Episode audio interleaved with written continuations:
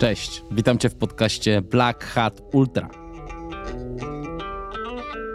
Jest to poradnik praktyczny o tym, jak zorganizować wyjazd rowerowy, wycieczkę rowerową, wyprawę rowerową. Super. Jest to takie kompendium wiedzy. Kilka razy usłyszałem i to, no nie ukrywam, że bardzo no, się cieszę, takie słowo Biblia y, podróżnika rowerzysty. No chciałem, żeby to czymś takim była. Tę książkę planowałem 10 lat, powiem szczerze. Sam spis treści układałem 3 lata. Tam jest mnóstwo praktycznych rzeczy. Ja bardzo nie lubię lania wody. Ja zawsze pisałem artykuły, to strasznie nie lubię, jeżeli ktoś leje, tam pisze, ale nie ma konkretów, tak? I widać, że to na, na wierszówkę zarabia. To był Marcin Jakub Korzonek, który jest podróżnikiem, głównie rowerowym, ale nie tylko. A ja jestem Black Hat i witam Cię w podcaście Black Hat Ultra. Marcin od ponad 20 lat organizuje ekstremalne wyprawy rowerowe. Zazwyczaj trasa tych wypraw wiedzie przez tereny pustynne, gdyż Marcin lubi ciepło.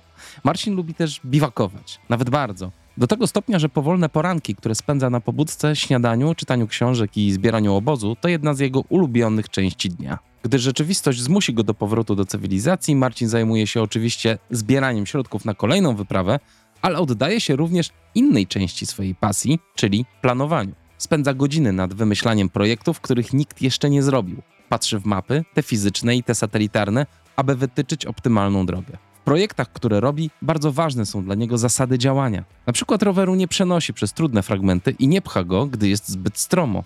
A gdy dojedzie do jeziora czy rzeki, pompuje mini ponton, wrzuca na niego rower i wiosłuje. Na marginesie, czy wiedzieliście o tym, że rower typu fatbike pływa?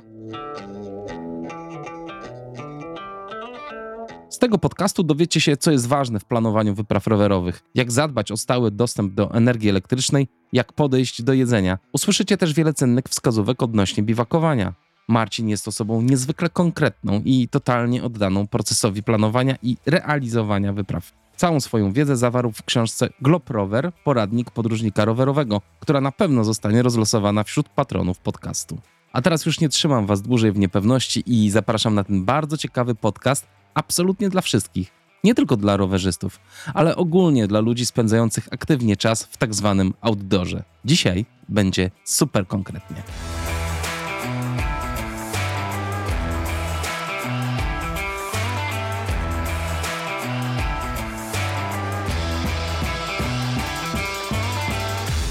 Cześć Marcin, witam cię serdecznie. Cześć. Bardzo dziękuję, że mnie odwiedziłeś. Od początku tego podcastu nie miałem jeszcze nikogo, kto jeździ na dalekie wyprawy rowerowe, więc bardzo się cieszę, że do mnie dołączyłeś.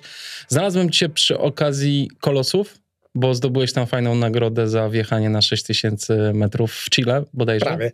Prawie 6000, tak. 5900, tak? Tak jest.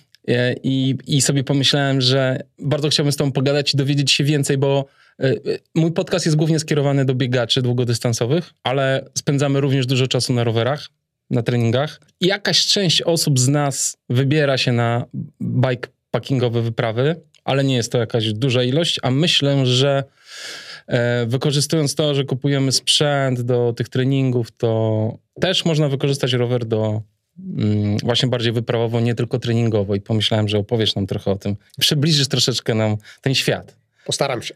No właśnie, i to jest, e, powiem ci, pierwsza rzecz, e, która mi przychodzi do głowy, jako dla takiego e, amatora rowerowego, to jak człowiek się zastanowi, zaczyna czytać, interesować się, co ma kupić, jaki sprzęt, to po prostu włos się jeży na głowie. I oczywiście nie można kupić jednego sprzętu, który nadałby się na wszystkie okoliczności. Więc mam do ciebie pytanie, ile ty masz rowerów? Mm, tak koło dziewięciu. O. No tak, w sumie to 11 może jakbyś tak policzyć, ale y, dwa są gdzieś tam schowane, już rozłożone. oczywiście nie na wszystkich jeżdżę. Mam tak. rower miejski, tak. który jeżdżę po mieście, bo oczywiście nie jeżdżę swoim wyprawowym rowerem nigdzie. Mam rower taki główny wyprawowy, trekkingowy. Mm, mam rower specjalistyczny, czyli fat bike na grubych mhm. oponach. Mam rower, w którym byłem w Chile, to jest coś pośredniego między właśnie mm, trekkingiem a fatbike'iem, bo jest opona trzycalowa. I mam jeszcze starsze rowery trekkingowe, mam też składaka, e, także trochę się tego zbierze. Czyli takie rowery podstawowe, wyprawowe to są trzy, tak? Tak, dokładnie. Okej. Okay. E, powiedz, co to jest śpiulkolot? ja się dopiero tego dowiedziałem, że to podobno jest popularne słowo. Okazało się, to nieprawdą. E, też to pokazuje, jak media kłamią. E, śpiulkolot, czyli miejsce, w którym się śpi. E, ja to faktycznie wykorzystałem na Instagramie sobie, wrzuciłem to zdjęcie, bo akurat ja lubię bardzo noclegi. W ogóle uważam, że noclegi na wyprawach to są, to jest jedna z najfajniejszych rzeczy na wyprawie, bo nocleg, rozbicie namiotu oznacza odpoczynek, że już zrobiłem swoje, przejechałem i teraz się mogę nacieszyć takim biwakowaniem, a ja uwielbiam biwakować. A co to jest tramping? Tramping to jest takie dla mnie mm, podróżowanie, bo to się wiąże trochę z globtroterstwem, ale tramping to jest podróżowanie na własną rękę dla mnie w różne regiony kraju. Oczywiście nie jest to związane w ogóle z rowerami. Turystyka trampingowa, czyli taka właśnie, że sobie jedziemy, nie wiem, kupujemy bilet do Azji, do Tajlandii, mhm. lecimy na dwa tygodnie, to też robię bez roweru. E, sami sobie znajdujemy to noclegi, sami sobie znajdujemy atrakcje, czyli nie jedziemy z biurem podróży. Jak byś określił swój styl podróżowania rowerem? Czy jest coś, co robisz, czy jest coś, czego zdecydowanie nigdy nie zrobisz? Gdzie, jak myślisz o wyprawach i planujesz wyprawy, to jakbyś nazwał, zdefiniował styl, w którym to robisz? Eee, zasady. Myślę, że to jest taki ważny dla mnie punkt. To znaczy, ja zawsze od pierwszej wyprawy, jak pojechaliśmy w Alpy w 96 roku i później w 97 na Nordkap z Wrocławia, to dla mnie bardzo ważne było to, że jeżeli ja mówię, że ja jadę z Wrocławia na Nordkap, to dla mnie jest oczywiste, że później okazało, że to nie dla wszystkich jest oczywiste, że ja, że ja jadę tam cały czas rowerem i nie wolno mi skorzystać z podwózek żadnych. Dla mnie, bo w tym momencie, jeżeli, mm, no bo ja to też rozumiem, że tak ludzie jeżdżą, że się podwożą pociągami i tak dalej, ale jeżeli mówimy o jakiejś tam chociaż małej wyczynowości, to w tym momencie to nam się zaczyna rozmywać. A jak długo ty tam się podwoziłeś? A może to było połowa trasy, a może to było tylko dwa kilometry? Więc dla mnie jest ważny ten styl. I to się później przekładało na wszystkie inne wyprawy, bo jak jechałem przez pustynię Gobi, z Jackiem Hugo Badarem w 2002 roku, to też oczywiście żadnych podwózek nie było. Całą trasę pokonaliśmy rowerem. Jak wjechałem na te 5900 w Chile, to absolutnie nie mogło być nie dość, że żadnej podwózki, nie mogło być nawet pchania, przenoszenia ani ciągnięcia roweru. Do tego stopnia. O. Taka była idea tej wyprawy. Tak, bo stwierdziłem, że nie jest sztuką załadować rower na plecy i wnieść. Równie dobrze możemy go wnieść na Monteverest. To jest kwestia tylko techniczna. E, więc dla mnie sens tej wyprawy był taki, że ja jadę rowerem. Nie wolno mi skorzystać nawet z przepchania. Czyli jak jest, jak jest stromo, to co robisz? To jadę, dlatego skończyłem na 5900. I to widać na filmie, no. że e, wjeżdżam i w tym momencie na te 5900 rower już jest suwek. Ja zamykam hamulce, za, zaciskam hamulce, to ja suwam się z tym rowerem, próbuję wjechać, suwam się. Oczywiście pytanie, no bo pytanie o te zasady, no dobrze, a jak e, na nocleg musisz przepchać, bo do, przez rów, tak? Oczywiście, nie dajmy się zwariować, dlatego jeżeli to są 3 metry, jeżeli by to był, nie wiem, zwalony pień drzewa, no przecież nie przejadę go, przeniosę. Więc ta definicja jest, no nie wiem, można 3-4 metry przenieść, okej, okay, właśnie przeszkoda, jakiś kamień, ale nie 50 metrów. 50 metrów to już jest dużo. I ja tam na 5900 widziałem, że dalej wyżej, 100-200 mm, metrów dalej było bardziej płasko i tam bym pewnie dalej jechał i pewnie ten Niemiec, który tam robił to, może on też przepchał, nie wiem e, mhm. e, dokładnie. On jechał w ogóle ze wsparciem. Nie wiem, jakie miał zasady. Ja miałem takie zasady i się ich trzymam. Stąd, tak jak mówię, te moje wyprawy, no takie są po prostu, że musi być taki czysty styl. Dosyć zdecydowane masz te zasady. W sensie potem nawet ciężko trochę jest wytłumaczyć chyba e, ludziom. Tak, ja się łapię na tym, że czasami właśnie e, mówię o tym, bo, bo się zorientowałem. Dla mnie to było oczywiste, że jeżeli ja mówię, że jadę do, dojechałem rowerem z Wrocławia do Afryki, to znaczy, że jechałem cały czas. I nie, a później się okazało, że to nie jest takie oczywiste, bo coraz więcej jakby ludzi jeździło, zaczęli się podwozić. Znaczy, no mówię, no nie wiem, czy to ma dla innych znaczenie. Dla mnie to ma znaczenie choćby, mało tego, pamiętam, do, jechaliśmy do Egiptu, na granicy izraelsko-jordańskiej musieliśmy granicę 100 metrów przejechać autobusem. I to był tak. dla nas straszny dramat, do tego stopnia, żeśmy awanturę zrobili. Ojejku, bo to Izraelczycy nas nie chcieli wpuścić i grozili nam, że w ogóle nas nie wpuszczą. I tam musieliśmy przejechać te 100 metrów, o czym mówię oczywiście uczciwie, no bo to wymaga, że te 100, 100 metrów na tych mhm. dystansie 6000 kilometrów nie przejechałem na rowerze. Mhm.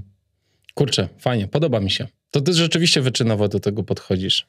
No to, jest, jest fajne. wyczyn, powiedzmy, jakiś fajne. tam. No i druga, bo pytałeś, co jeszcze w tych wyprawach jest. Ja lubię tak. takie miejsca, bardzo nie lubię oklepanych tras. Y, tutaj się mi przypomina 2016 rok, właściwie 15, kiedy sobie pomyślałem, że w przyszłym roku, czyli 2016, mija 20-lecie moich wypraw. I chciałem zrobić coś takiego ekstra, coś super. Ale... I tak sobie pomyślałem, no kurczę, ale co zrobić w dzisiejszych czasach? No, tym rowerem wszędzie. Wszystko zrobione. I wymyśliłem, że może zrobię właśnie coś w Polsce, coś takiego nietypowego. No i dobra, zacząłem kombinować, jak tą Polską. To dookoła, mówię, dookoła wszyscy jeżdżą. I to jest kolejny właśnie rzecz, że Ja nie lubię jeździć utartymi szlakami. Mhm. Jeżeli już ktoś coś przejechał, fajne, też czasem mogę pojechać, ale to już zupełnie rekreacyjnie, ale to nie mam tym żadnego fanu. Dlatego na przykład na biegun południowy myślałem oczywiście, żeby rowerem pojechać, ale parę osób już tam na różny sposób to robiło. Nie do końca, nikt do końca tak w czystym stylu tego nie zrobił, ale to już dla mnie trochę straciło. No, to już jest trochę klepane. No i z tą Polską właśnie wymyśliłem tą w linii prostej. I to faktycznie było coś odkrywczego. To też pokazałem, że nawet w Polsce możemy zrobić wyczynową wyprawę, naprawdę wyczynową, za niewielkie pieniądze, bo to grosze kosztowało, no bo gdzie tutaj miałem wydać pieniądze? Więc to poszukiwanie własnej drogi, to lubię. Ja mhm. bardzo dużo czasu spędzam na szukanie tras, na szukanie, wymyślanie, gdzie by tu pojechać. Do tego Chile to tak wygląda, że gdzieś tam usłyszałem o tym wulkanie, Ojos de Salado, później coś tam, że tam się robi rekordy i rekonesans, znaczy e, rozpoznanie. W ogóle ilość czasu, jakie spędzam na szukanie tras jest olbrzymia. Ja potrafię 4 godziny nagle wsiąknąć, bo jakąś tam trasę, drogę znalazłem gdzieś w Kolumbii powiedzmy, a po 4 godziny okej, okay, idzie do archiwum, może kiedyś wykorzystam. I w większości nie wykorzystuję. A gdzie ty znajdujesz te drogi? Masz jakieś mapy w internecie, na Google'ach? To czy... znaczy tak, najpierw muszę usłyszeć. I stąd tak. są takie kolosy, stąd są włóczyki, na przykład takie festiwale, że, mhm. że gdzieś na przykład w Gruzji jest jakaś fajna droga. I moglibyś tam robić, to nie masz takiego dla mnie znaczenia, ale ja sobie stworzę swoją drogę i słyszę, Później rozpoznaje temat, dlaczego to ma być ciekawe, bo na przykład jest wysoko, bo jest przez pustynię, bo da, da się tam przejechać, bo nie ma ludzi, bo to lubię. No i później drążę temat. I na końcu oczywiście jest mapa, to już cyfrowa, no bo mhm. umówmy się, tak szczegółowych map papierowych praktycznie nie ma każdego terenu. No i ostatnia, ostatnia jest mapa satelitarna. Po prostu biorę Google satelitarne i mhm. dokładnie zbliżam i to trwa godzinę. Po prostu dziesiątki godzin, przeglądanie, Zdjęć. rozpoznanie tych mhm. tras znaczy tras, y, szlaków, mm, też trzeba zdobyć doświadczenie, żeby rozpoznawać, bo co innego, inaczej to wygląda, inaczej w rzeczywistości. Ja już mam trochę to przełożenie, bo ileś lat to robię, mhm. więc na przykład jak przez, przez pustynię Negev jechałem, przez Izrael, tam był taki plan, żeby jechać y, wyschniętymi korytami rzecznymi, czyli wadi. I faktycznie znalazłem, jest tam y, jakby rzeka, której nie ma oczywiście, jest tylko koryto rzeczne i widzę jakiś taki maleńki śladzik jest to ślad e, samochodów i to później idealnie się zgadzało. To mhm. faktycznie później pasowało i jechałem tymi śladami. Pięknie. No ale myślę, że to są te przygotowania, to, są, to jest długa rzecz, nie? Długa te, czas. No. Tak. E, I chciałem jeszcze wrócić na chwilę do twojej podróży przez Polskę w prostej linii, e, bo oczywiście jest ciężko chyba wyznaczyć taką trasę, tak, no bo ty podchodzisz tak bardzo dokładnie do swoich założeń.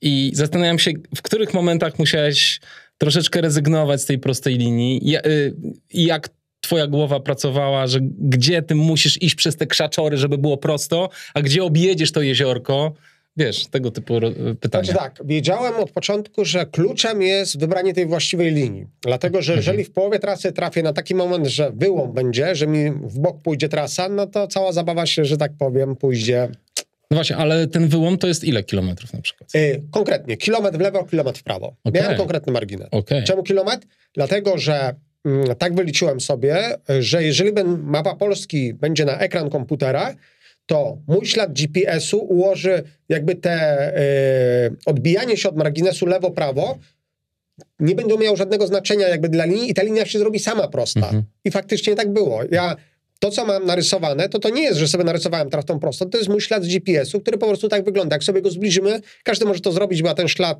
chyba mam udostępniony na stronie, także widać, jak, że jechałem jak pijany zając, po prostu od lewej do prawej, od lewej do Ale prawej. Ale tego kilometra się trzymałeś. Tak. To tak. Y, y, jaka to była trasa? Skąd dokąd? E, to było mniej więcej tak, no właśnie, jak, jak e, wyznaczanie tak. tej trasy. E, zdałem sobie sprawę, że ponieważ ja chciałem od granicy do granicy dokładnie, to wiedziałem, że muszę odrzucić górę, czyli Sudety, Beskidy. No bo nie zjadę prosto z góry, nawet w Sudeta, nawet jak to są niskie góry, no nie da się na przełaj, żeby utrzymać tego kilometra. Więc zostało mi to obniżenie, to jest morawskie chyba, jeżeli dobrze pamiętam, mm, obniżenie pomiędzy Sudetami a Beskidami, czyli okolice mniej więcej Górnego Śląska. I tam zaczynałem przy granicy z Czechami. Faktycznie to się sprawdziło. I to był pierwszy punkt, czyli to już miałem ograniczone bardzo pole manewru. Później stwierdziłem, że tak naprawdę najgorszą przeszkodą są drogi, autostrady i drogi szybkiego ruchu, bo z jeziorami sobie poradzę, z rzekami sobie poradzę, ale przebieganie przez autostradę mm, tak z rowerem, tak średnio to widziałem, szczególnie, że tam są siatki przecież, są e, płoty. E, no co, mam przerzucać to? Kurczę, no właśnie. No, tak nie za bardzo. No i znalazłem trasę i to też trwało no ze dwa miesiące. Miałem nawet specjalną taką linijkę, bo częściowo pracowałem na papierowej mapie i udało mi się wyznaczyć taką trasę, że przez A4, przez S8 i A2 e, wszędzie miałem przejazdy. E, A4 to jest Góra Świętej Anny. Teraz dokładnie jak tam jadę samochodem, zawsze pamiętam, jak prze, przejeżdżałem tym e, wiaduktem. I tam był pierwszy jakby punkt. Później S8 miałem pod przejazd, tam była też rzeczka, więc w razie czego mogłem spłynąć tą rzeczką. E, I A, A2 miałem też e, wiadukt. Także to mi rozwiązało problem. I wiedziałem, że muszę tą trasą jechać mhm. i w tym momencie dopasuję sobie resztę. Oczywiście ta reszta też mogła być fatalna, bo na przykład duże obiekty. I duże obiekty to są wszystkie lotniska. Więc wiedziałem, że nie mogę trafić na lotnisko, bo lotnisko to jest 3-4 km szerokości i faktycznie nie było go po drodze. Natomiast była kopalnia. Kopalnia odkrywkowa. E, I tam była duża dziura i mój jakby e, mapa satelitarna pokazywała, że ja się zmieszczę, idealnie po brzegu pojadę. A okazało się, że ta dziura się przeniosła trochę, bo e, nie wiem, czy wiecie, jak działa e, kopalnia odkrywkowa, że z jednej strony się kopie i się zasypuje tak. drugą stronę. I ona tak wędruje. No i niestety trochę zawędrowała i tam był moment, gdzie byłem najbliżej granicy. Tam nadepnąłem na tą granicę i przekroczyłem ten mój margines jakieś 3-4, no może 5 metrów. Z drugiej strony tam dokładność GPS-a też no na, na, tym tak. poziomie, więc też ciężko powiedzieć. Ale tam faktycznie jak się zbliżymy, to jest, że delikatnie przekraczam to, ten mój mhm. margines. Także to jest ten krytyczny moment. Natomiast reszta rzeki, tam było 11 rzek, chyba 11 jezior, e, to wszystko mi się udało. Albo czasem na rzece miałem faktycznie jakiś most, na przykład nad Odrą miałem most, ale przez Wisłę musiałem przepłynąć na pontonie, no i kilka jezior, w tym jezioro Turawskie, które było dużym jeziorem. I miałeś ponton cały czas ze tak. sobą? I to też oczywiście idea, znowu się trzymam tych zasad, tak. że wszystko muszę mieć ze sobą, nikt mi nie może pomóc z zewnątrz. Także y, pontonik miałem zawieszony w stylu backpackingowym. Y, miałem w takiej torbie na kierownicy i w sakwie z tyłu miałem wszystkie rzeczy. Też szukałem długo tego pontonu, no 3 kilo miał, z wiosłami musiał tylko. być. Tak, 3 kilowe i to ponton za jakieś śmieszne pieniądze, czy śmieszne, no 200 chyba złotych kosztował, mhm. ale żaden wyczynowy. To był mhm. pontonik taki, no, tak. dziecię, no może nie dziecięcy, ale do rekreacji. Ważne było to, że ma dwa komory, dwie komory, że jak mi strzeli jedna, to uratuje się.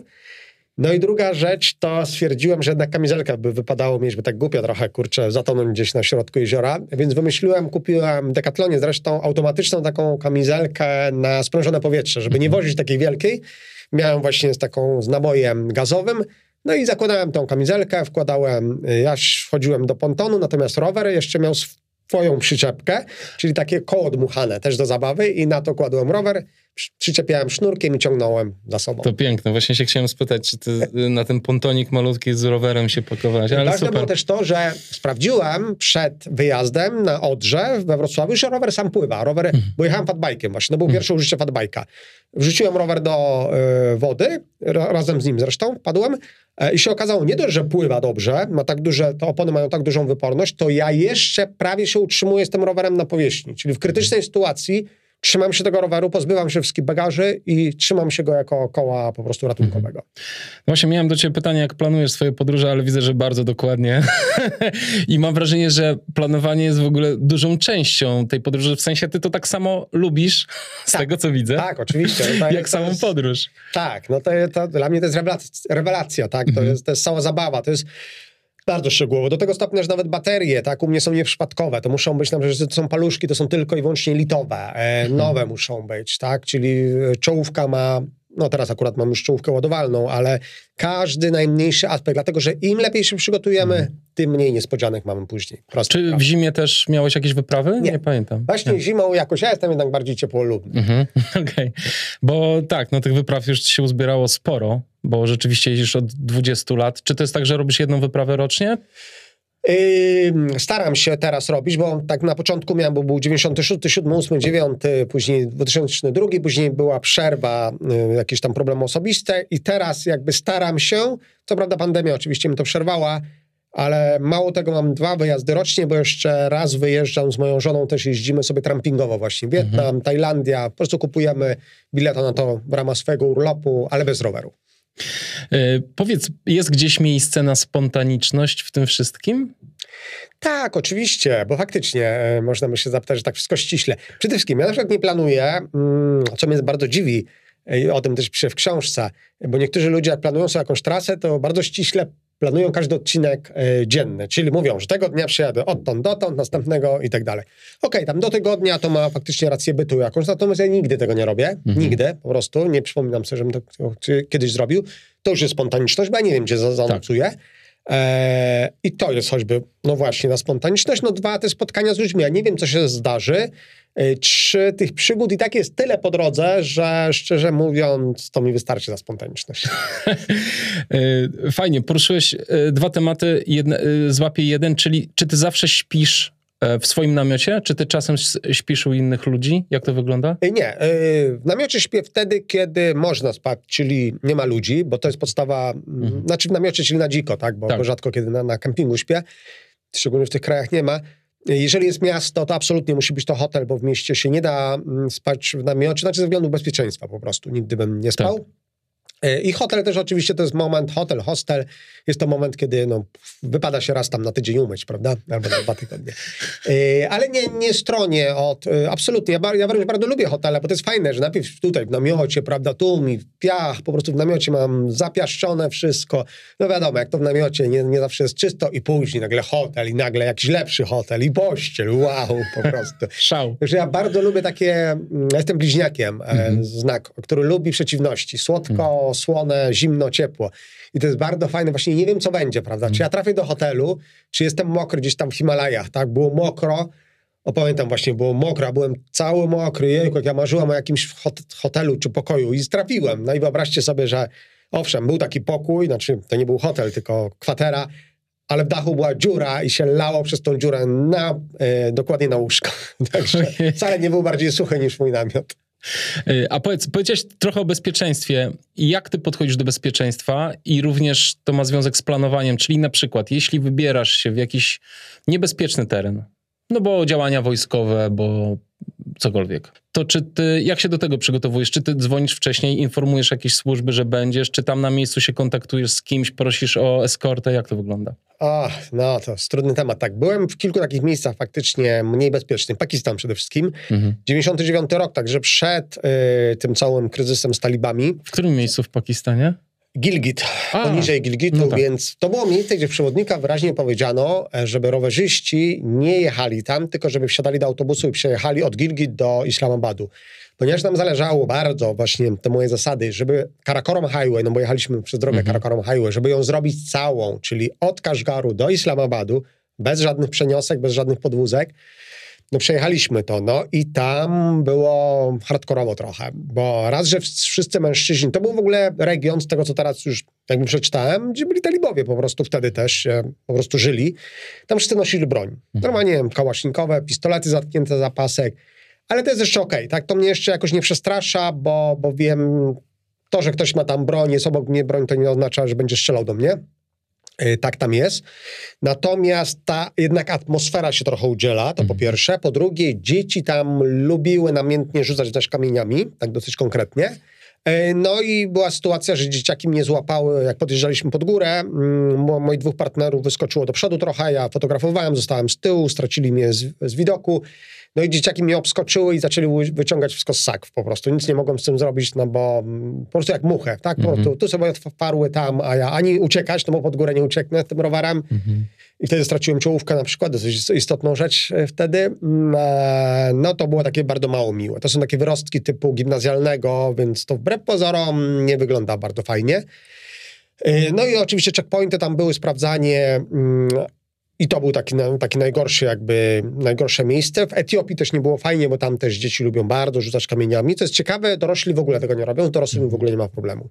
I tam też wyrostki próbowały nas zatrzymać, wymusić pieniądze. No i jeden chłopak trafił we mnie kamieniem kilogramowym, na szczęście w plecy, jakby w głowę uderzył, by mnie zabił. Po prostu. To, to była masakra. I co robić? Yy, a propos tych służb tak. wojskowych, bo też byłem w Izraelu, tam przejeżdżałem przez mm, pustynię Negev, która jest poligonem i w sumie się tak znalazłem trochę w momencie, kiedy tam były jakieś yy, ćwiczenia wojskowe i tak dalej. Yy, tam wtedy dzwoniłem faktycznie do, do wojska. Yy, nie wyprzedzam, nie, nie dzwonię wcześniej. Generalnie oczywiście unikam, jak mogę, takich terenów. Teraz tak, jeżeli trzeba, no to się kontaktuję, tak jak tam, że dzwoniłem, kontaktowałem się, tylko zazwyczaj to jest tak abstrakcyjne, mhm. oni w ogóle nie potrafią zrozumieć, ale po co pan tam jedzie? jak to pan jedzie i w ogóle, więc stwierdziłem, że to nie ma sensu większego gadania, bo to jest kompletna abstrakcja. Tak samo jak mhm. kiedyś dzwoniłem do ambasad, też zgłaszałem. E, czasem to przyjmowali, nawet tylko zgłaszam, że jadę w takim region, będę przejeżdżał, żebyście wiedzieli, zamelduję się jak przyjadę. I czasem to jest przyjmowane i to jest profesjonalne działanie według mnie. Czasem jest to takie ze zdziwieniem trochę, mhm. a według mnie się tak powinno, przynajmniej to takie minimum, które zrobię, tak, że zgłoszę, że tam jestem. Teraz jest trochę lepiej, bo teraz mamy technologię satelitarną. Mam spota ze sobą, czyli mhm. taki y, lokalizator satelitarny, który mnie identyfikuje. Y, moja żona, moja rodzina wie, gdzie jestem. Mogę nadać sygnał ratunkowy z niego, więc jest świetnie. Nie mogę rozmawiać, ale mogę SMS-a wysłać, mogę otrzymać SMS-a, więc to jest moim głównym zabezpieczeniem teraz, ten spot. I to jest takie najważniejsze. Jak on działa, że jest twoim zabezpieczeniem? Ty możesz, e, bo mówisz o kontakcie z rodziną, ale tak. co z kontaktem z, ze służbami? Ze wszystkimi. W tym momencie tak? ja mogę nadać tak, e, żeby ułatwić to, ponieważ te SMS-y, wysyłanie SMS-ów tam jest bardzo długie, bo to 15 minut trwa, więc jest bardzo, bardzo powolne. Aha. No ale w krytycznej sytuacji wiadomo, to nie ma znaczenia, więc ja mogę, w tym momencie bardziej to jest tak umówione, że ja wysyłam właśnie do żony i żona się kontaktuje. Aha, rozumiem. I wtedy ona, że tak powiem, jest moim zapleczem całym takim logistycznym. Także tu jest to ważne, żeby, no bo ona wszystko wie, wie gdzie jestem, wie o co mi chodzi i ona w tym momencie się kontaktuje. Mhm. Czy tego spota też używasz, żeby wysyłać e, informacje o swojej pozycji? E, tak, tak, tak, dokładnie. Tam mhm. widać moją pozycję, więc mhm. E, ja tego nie ujawniam ze względu bezpieczeństwa. Tak się zdecydowałem, bo to różnie podróżnicy traktują, bo niektórzy pokazują swoją pozycję. Szczególnie przy wyczynowych wyprawach to ma faktycznie sens, natomiast ponieważ jak ja jadę no zazwyczaj w regiony, gdzie są ludzie, nawet jak to jest pustynia, wolę nie ujawniać swojej pozycji, no bo to jednak łatwo mnie później namierzyć. Mhm. A czy w jakiś inny sposób e, inną elektroniką trakujesz e, tak, tak, zegarki, czy... tak, e, nie. Ja jestem może takim staromodny, ale używam starego GPS-a mhm. Oregona 550 Etrexa mhm. na paluszki dwie mm, okay. i codziennie ładuję te paluszki, mam wiadomo panel, cała elektronika, codziennie zrzut y, traka sobie do pamięci, to jest moje pierwsze zabezpieczenie. Drugie to, znaczy ten spot niby trakuje, ale ciężko z niego wyciągnąć później ten ślad, więc tutaj go nie można tak traktować. Mhm. Natomiast drugie urządzenie to jest po prostu smartfon i tam też sobie trakuje no choćby za pomocą strawy. I to Aha. też jest mój backup po prostu, czyli mam dwa, dwa traki. No dobra, fajnie opowiadasz o tym ładowaniu, ale jak ty ładujesz? W sensie, skąd no, bierzesz energię elektryczną? To, to, jest tego trochę, faktycznie. Panel Wozisz słoneczny. panele słoneczne? Tak. tak? Y, zdecydowanie panel słoneczny. Próbowałem używać też ładowarki z Dynama, mhm. ale ona nie ma większego sensu, jeżeli jedziemy po górach albo jedziemy wolno, bo Dynamo y, z ładowarka z Dynama działa wtedy, kiedy jest ta prędkość 20 km na godzinę, minimum. Mhm. Więc jeżeli ktoś na przykład bikepackingowo jeździ tam 25-30, to już zaczyna mieć sens. Faktycznie to coś tam naładujemy. Natomiast jak ja jadę padbajkiem, to 14 na godzinę, czasem 15 mhm. albo 8 na godzinę, to kompletnie nie ma sensu. Ponieważ jeżdżę bardziej w słoneczne regiony świata, to ten panel ma duży sens. Jeżeli to jest dobry panel, 20-watowy minimum. 20-watowy. Tak, minimum mhm. 20 watów to nie ma sensu. A jak, jaką ma powierzchnię? Mniej więcej taką. Są Aha. trzy takie panele składane ze sobą. Okay. Warto też w ogóle jakiej, rano... Fi jakiej firmy, powiedz od razu, jeśli możesz? Chińskie. Chińskie.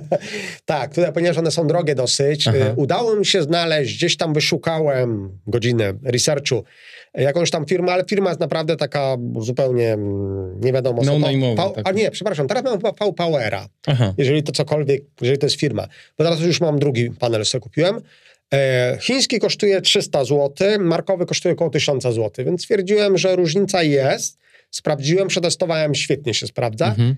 Jako ciekawostka, e, na Negewie, na pustyni Negev było tak gorąco, tak się rozgrzał panel, że się cały pofałdował. On jest po prostu tak powybrzuszany. Nie da się złożyć do płaskiej powierzchni. Ojej. Dlatego kupiłem kolejny, ale działa, bez żadnego okay. problemu. I to plus oczywiście powerbanki. Mm, ile za, zabieram trzy ile? powerbanki, 10 tysięcy, każdy po 10 tysięcy. I też markowe, dobre, żadnej, tutaj żadnej taniochy nie może być. Okej, okay, czyli te trzy powerbanki plus panel solarny wystarczają ci, żeby ładować wszystko? Tak. Tak, praktycznie, nawet jak będzie pochmurne niebo przez tak. dwa dni, to ciągnę z powerbanków energię.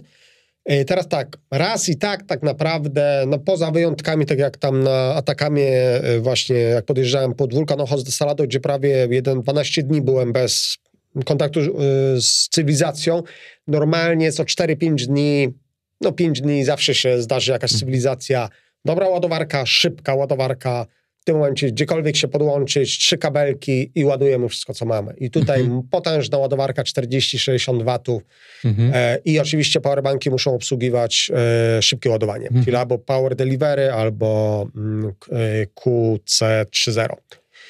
Ale to fajnie. Fajnie, że ten panel ci działa słoneczny. To tak. jest, to jest I to naprawdę była rewelacja. To, yy, znaczy tak, mało tego, to już teraz mam dwa panele. Drugi mam maleńki, taki 5-watowy. Oni tam tak. mówią, że to jest 10 watów, ale to nie ma 10 watów. To jest naprawdę mały, wielkości właśnie książki. Ja sobie go zawieszam na sakwie przedniej i on służy tylko do podtrzymania energii do smartfona. I to się mhm. może przydać innym takim, którzy jeżdżą normalnie. Tak po prostu sobie taki panel za, założyć i to tyle, że smartfon nie wyczerpuje tej baterii. Nie, nie padnie. Mhm. Bo to chodzi o, o, to, żebyśmy pod koniec dnia lepiej mieli tą energię, w razie czego, niż jej nie mieli. Szczególnie, że to słońce też może zajść, nie zajść. Mhm. E, bardzo ważne też jest panela, żeby żeby ten panel był pod kątem 90 stopni do słońca. To jest właściwie najważniejsza rzecz. Jeżeli on jakkolwiek straci kontakt z tym słońcem, spada jego skuteczność strasznie. Ale głównie jednak podróżujesz pod słońcem. Tak. tak Więc to tak. troszeczkę. Zauważyłem, że rano no. jest często słońce, bardzo dobre. Tak. Nawet zanim ja wstanę, więc ja już wieczorem sobie wystawiam ten panel, wiem, o. jakby obliczam, gdzie będzie słońce i go wystawiam już pod... mhm. i mam kabelek do namiotu i tam się ładuje. I rano w tym momencie wstaję, on już ładuje się. Bo wbrew Super. pozorom te 2-3 godziny potrafią już naładować trochę. Tak, no jak wstanie słońce, tak. to jasne. A powiedz, y, jak, czy czasami podróżujesz w nocy, żeby uniknąć słońca? Nie. Generalnie w nocy unikam. Zdarzyło mi się kilka razy wylądować w nocy i to nigdy nie były dobre pomysły mhm. Mm, ze względu na bezpieczeństwo. Jednak jakoś tak jest. Właśnie w Etiopii mi się to zdarzyło, w Kirgizji. E, I to było zawsze takie, ojejku, mm, strach straszny był, bo gdzieś tam jacyś ludzie podeszli, coś tam chcieli od nas, nie wiadomo co, ciemno.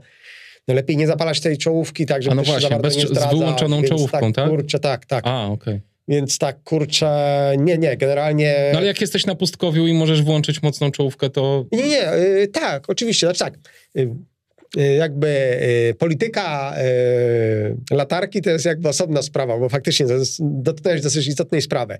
Jeżeli jestem na pustyni, czuję się bezpiecznie, używam czołówki, E, jeżeli się czuję mniej bezpiecznie, używam bardzo małego światła czołówki, dlatego dla mnie istotne jest, jak jest mocna czołówka, jakby najjaśniejsza, ale też jak ma najbar- najsłabsze to światło, żeby miała takie ultra, ultra małe. Może też mieć to czerwone albo zielone, bo faktycznie wtedy jak mhm. najbardziej przytłumionym tym światłem operować. Jeżeli jest teren, że są ludzie, no to staram się w ogóle tego nie używać i iść spać, zanim e, po prostu zapadnie zmrok. Ale to... czemu? Bo dziwnie reagują, tak? Na... Nie, nie. Boję się tego, że... Bo podstawą jakby noclegów na dziko jest to, żeby nie zdradzać swojej obecności. Mhm. Czyli fatalną sytuacją jest... Fatalna sytuacja jest wtedy, kiedy ja rozbijam namiot i ktoś do mnie wieczorem przychodzi.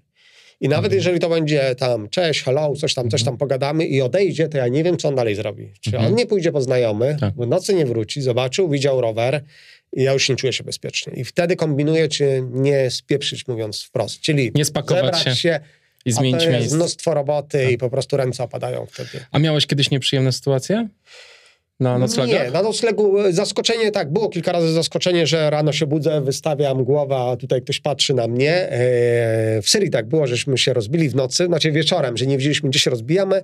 Mieliśmy otwarty namiot, pod otwartym namiotem spaliśmy i ja sobie tak leżę, e, głowa do góry i na, nade mną się ktoś nachyla. Była taka szarówka i taki, pamiętam, taki Arab bezzębny i tak patrzy na mnie, ja na niego, ja po prostu serce mi wali.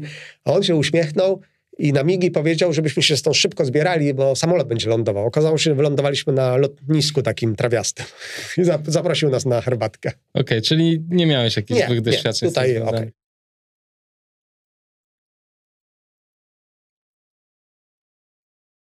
Chciałem się ciebie spytać o cel wypraw. Poza przebyciem dystansu, albo właśnie osiągnięciem jakiegoś celu wyczynowego, albo dotarcia do punktu, czy, czy masz również jakieś inne cele różne. Czy może te cele zmieniają się w trakcie podróży? Czy może te cele na przykład jeszcze po zakończeniu podróży zauważasz, że osiągnąłeś coś innego w ogóle niż zamierzałeś? Jak to wygląda? Znaczy tak, e, niby zawsze mam cel wyjazdu, no bo albo chcę wyjechać jak najwyżej, albo chcę przejechać pustynię, albo chcę przejechać jakąś trasę, albo tą Polskę prosto i tak dalej, i tak dalej. Więc tu mam taki niby określony cel. Dla mnie oczywiście no, najważniejsza jest ta droga, jednak tak naprawdę frajda. Moim celem jest po prostu bycie szczęśliwym.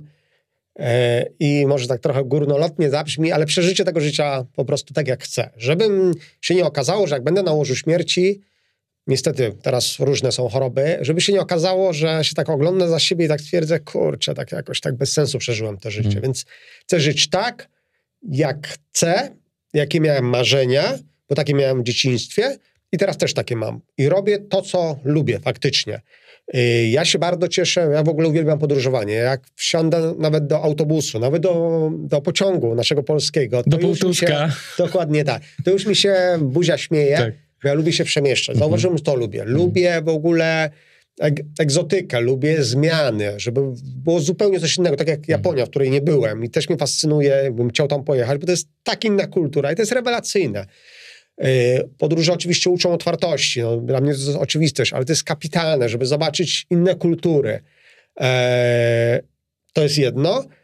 Dwa, cel taki sportowy, no na pewno jakieś tam jest taka chęć zmierzenia się, ale to już takie trochę oklepane, prawda?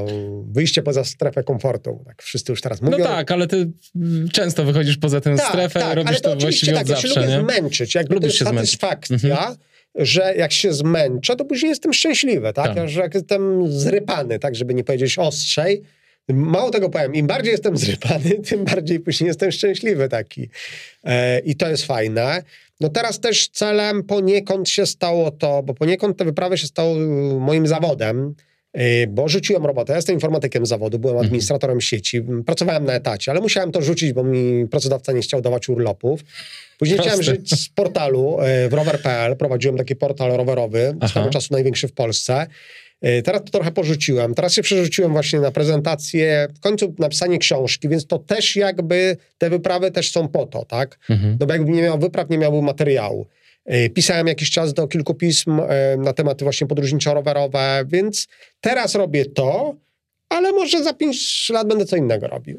A ty nie miałeś firmy albo nie byłeś związany z firmą, która się zajmuje remontami rowerów? Tak, tak, tak to też jest moja działalność, tak. A, to jest zadbany twoja firma. Rower, tak, tak, to jest o, moja firma, to jest zadbany rower. rower. To w ogóle jako właściwie pierwszy w Polsce zacząłem to robić na taką skalę.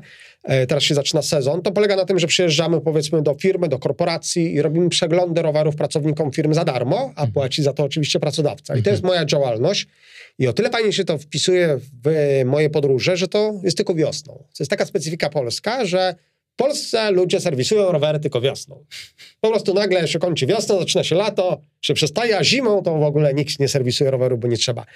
Więc w momencie, jak się to kończy, no to ja mam wolny czas. Później mam wakacje, coś tam robię i jesień, i głównie jesienią jeżdżę na wyprawę. Super. Także to jest oczywiście moja noga, bo no nie da się w Polsce tak ciężko wyżyć samych prezentacji no albo z książki. No więc moja główna noga to, jednak to są zadbane rowery, to jest właśnie, zaczyna się.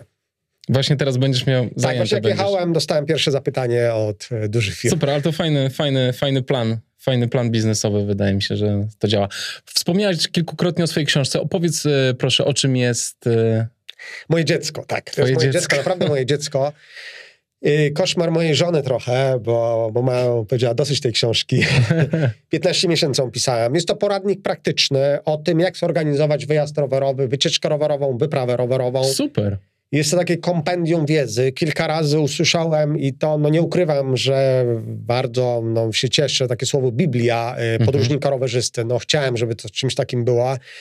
Tę książkę planowałem 10 lat, powiem szczerze. Sam spis treści e, układałem 3 lata. Mhm. Nie tyle sam spis treści, co jak układ tej książki. E, właśnie jak prowadzić tego czytelnika przez cały ten mhm. proces. Tam jest mnóstwo praktycznych rzeczy. Ja bardzo nie lubię lania wody. Ja zawsze jak pisałem artykuły, to strasznie nie lubię, jeżeli ktoś leje, tam pisze, ale nie ma konkretów, tak? I widać, że to nam na wierszówkę zarabia.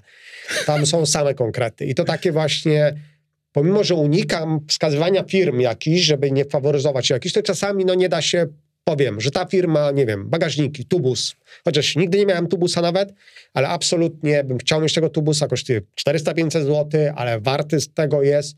Y, nie mam, bo nie muszę, bo mam inne akurat. E, mhm. Więc konkretne rzeczy wskazuje, kabelki, no wszystko, po prostu Super. każdy aspekt, łącznie nawet z tym, żeby y, co, no, by, co warto wycinać gdzie warto się golić przed wyjazdem rowerowym. A gdzie warto się golić przed wyjazdem? W miejscach intymnych na przykład. A. Dlatego, że łatwiej zachować czystość. A. Dlatego przed wyjazdami w ogóle ma duży sens ścięcie włosów do zera. Mhm. Ja akurat tego nie robię, ale przycinam sobie te włosy, bo naprawdę jest chłodniej i w miejscach intymnych autentycznie, nie będę już mówił tak konkretnie, tak. im bardziej wytniemy, tym naprawdę łatwiej zachować tą, czyn, tą czystość, bo później wystarczy wziąć taką chusteczkę nawilżającą mhm. i dosłownie dwoma chusteczkami robimy prysznic całego ciała. Całego ciała, tak. No, bardzo ładne. Znaczy, strasznie się cieszę, że to są praktyczne porady, bo to myślę jest coś, z czego my wszyscy możemy super skorzystać, także... No i oczywiście pomysły na, na wyjazdy, tak? 10% mhm. książki to jest gdzie jechać. I Polska też sobie wziąłem za cel, żeby opisać wszystkie długodystansowe szlaki rowerowe w Polsce. Mhm. Nikt jakby do tej pory tego nie zrobił. Ja to oczywiście krótko opisuję. To nie są opisy takie duże, no bo to się nie zmieści więc jest Polska, jest Europa, gdzie pojechać w Europie, Czechy, Austria, aż po ikoniczne drogi typu Karakoram Highway, typu Lech Manali Highway, typu e, Pamir Highway. Mhm. Także takie marzenia, gdzie każdy by chciał pojechać na rowerze. E, wspomniałeś kilkukrotnie o fatbike'u. Ja też y, przeglądałem, to się staje mega popularny sposób podróżowania. Powiedz mi, na czym polega fenomen tego, tych opon? Y, na szerokości i na tym, że one bardzo dobrze jadą w trudnym terenie. Bo generalnie, mm, jak się cofniemy do lat 90., ja, 95, mm, wtedy w Polsce zaczął się szał na rowery górskie. No, jakby czemu tak było, to jest dłuższa historia, ale generalnie jedną z największych zalet rowerów górskich było to, że miały szeroką oponę dwucalową. Hmm. Dwa cale, bieżnik i potrafiły jeździć w góry. Miały przerzutki, miały dobre przełożenia. Właśnie nie ilość tak zwanych przerzutek, bo to przełożeń, tylko te przełożenie takie, które umożliwia nam podjazd pod dużą górę. I to już było bardzo fajne. I Fatbike prowadził jeszcze szerszą oponę, właściwie ekstremalnie szeroką oponę, bo tam jest 4,6 cala do mniej więcej 4,6 cala, czyli to jest 12 cm, to jest taka opona. I dzięki temu uzyskujemy tarcie. W tym momencie, jeżeli pojedziemy w piach, autentycznie tym rowerem można przejechać się po plaży, po piachu. Mhm. Rowerem górskim nie przejedziemy, bo się będziemy po prostu zapadać w piachu. Padbajkiem przejedziemy, jechałem po, po takim czystym piachu, jest to możliwe. I drugie takie miejsce to jest śnieg i ludzie z tego korzystają, że jazda po śniegu, po takich trasach, yy, znaczy wiadomo, że zupełnie, nie wiem, półmetrowym śniegu nie przejedziemy, tak? Ale no tak. tam, gdzie rower górski nie da rady, już nie mówiąc o jakimś gravelu, to ten padbike przejedzie. I trzecie miejsce, które wykorzystałem e, właśnie w Polska, w projekcie Polska Prosto, to jest trudny teren, czyli przez las na przeła, ja przez pola, świeże zaorone pola, pola byłem w stanie nim przejechać. To sprawdziłem właśnie tutaj i jechałem. Po prostu on jedzie. I to jest ten fenomen. A ta opona też jest grubsza, jest bardziej y, Nie, na przetarcia? E, ona, trzeba uważać, wręcz jest problem trochę z przebiciami, no bo jest duża powierzchnia, więc mhm. to potrafi łapać na przykład na pustyni Negev. Tam były takie koszmarne gwiazdki, bardzo ostre i mi się białe, nawet trzy naraz potrafiły wbić. I przed tym zero ochrony nie ma coś oszukiwać, wybór opon jest bardzo mały. To nie jest tak jak w trekkingowym rowerze, że mam takie siakie opony, że wybieram pancerne opony z nieprzebijalne i tak dalej, to faktycznie działa. W fatbike'u tego nie ma, bo tych opon jest bardzo mało, bo poszczególni producenci mają po jednej, dwie sztuki, w sensie modeli. Więc na kolejne wyprawy wymyśliłem sobie i sprowadziłem z Chin takie taśmy specjalne, które właśnie uszczelniały, znaczy nie uszczelniały, tylko jakby zabezpieczały przed przebiciami i to trochę pomaga. Czyli oklejasz te opony z zewnątrz? Nie, od wewnątrz, od pomiędzy wewnątrz. oponę a dentkę daję. Aha. Tylko też trzeba uważać, żeby to się nie ruszało, żeby to się nie, nie przemieszczało. Okay. Więc w taki sposób. Y, na tym, na pustyni y, Gobi, Mongolii, jak jechaliśmy z Jackiem, to ponieważ przyczepka łapała strasznie gumę, bo myśmy często nie czuli, bo przyczepka była tak ciężka, że jak tam przebijała się dętka, tego nie czuliśmy, jechaliśmy dalej na flaku, bo i tak było ciężko. Więc wymyśliliśmy, tam ta przyczepka strasznie łapała właśnie te ostre mhm. kolce, pocięliśmy karimatę na paski i wkładaliśmy pomiędzy oponę a dętkę. Mhm. I to trochę pomagało, bo troszeczkę jakby zwiększało tą odległość od tych kolcy. To niewiele, ale trochę pomogło. Czy jeździsz z zapasowymi oponami? Nie, teraz nie. Dętka jak najbardziej. Opona nie uważam, to nie ma sensu, że jest dobra opona. Wymienimy sobie na nowe opony. Kompletnie nie ma sensu przy wyprawach, nie wiem, do 6 tysięcy kilometrów. Mhm. Szkoda, szkoda po prostu wagi. A miałeś kiedyś sytuację, że musiałeś pchać rower, ponieważ ci strzeliła tak opona i tak. dętka, że się nie dało? Nie, zresztą zawsze mówię, jeżeli ci, y, tutaj kluczem są hamulce tarczowe. Jeżeli mam hamulce tarczowe, mhm. jeżeli nam się rozerwie opona, bo to się może zdarzyć, mhm. Bierzemy naszą srebrną taśmę, której oczywiście musimy mieć dużo i po prostu oklejamy sobie dookoła. Ponieważ są tarczówki, to nie ma problemu, że to y, koło przejdzie, bo jak jest hamulec y, ten cantilever, czyli szczękowy, no to w tym momencie się będzie w konflikcie z tą taśmą, więc będzie trochę gorzej, więc trzeba by go wtedy rozewrzeć i stracimy hamulec. Okej. Okay. Wspomniałeś jeszcze wcześniej, że na fatbajku jeździ się wolniej, tak? Tak. To są opory. Oczywiście właśnie tak. to jest takie pierwsze wrażenie, jak ludzie bo to mm, jak jechałem nim, no to dużo ludzi oczywiście było zaskoczonych. W ogóle myśleli, że mam tam motor. To jest najczęstsza reakcja. A gdzie tu jest silnik? Ja nie wiem, czemu ludzie mają takie powiązanie. Gruba opona musi być silnik. Drugie, mm, drugi taki, takie zaskoczenie, że to na pewno strasznie ciężko jedzie. Ja oceniam, że mniej więcej 20% więcej energii trzeba włożyć w pedałowanie z powodu tych szerszych opon, ale nie więcej. Mhm. Troszkę inaczej jest na asfalcie, bo jeżeli się rozpędzimy do 30 km na godzinę, pomijając, że już biegów brakuje, bo, bo w takim rowerze się nie daje takich przełożeń, to jest opór powietrza od tej opony i to tak huczy i to słychać i po prostu czuć, że jest opór powietrza większy. Także to nie jest rower na e, rozwijanie dużych prędkości.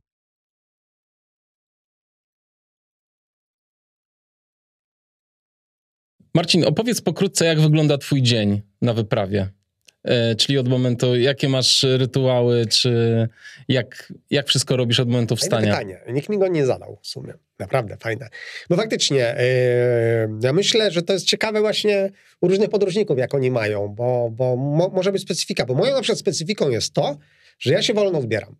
Mhm. Yy, może inni też tak mają, znaczy pewnie dużo tak ludzi ma, ale jak na wyprawy wyczynowe takie, to może być zaskoczenie, ale ja naprawdę ja się delektuję tym początkiem i mam na to przeznaczone dokładnie dwie godziny, po prostu. No chyba, że się muszę jakoś tam spieszyć, ale jeżeli nie muszę się spieszyć, to staram się tak wstać wcześniej, żeby mieć dwie pełne godziny na zrobienie śniadanka, kawy, herbaty, zjedzenie, przeczytanie sobie, no sobie czytam książkę, bo jak już powiedzieliśmy, lubisz biwakować, więc dlatego. Tak, tak, więc ja lubię po prostu tak. to, to, to, ten taki rozruch, taki spokojny. Nie lubię takie, to, to, takiego szybkiego wstawania. Także te dwie godzinki sobie rano staram się wstawać, powiedzmy, to troszkę ciężko powiedzieć o godzinie, bo zależy od regionu świata.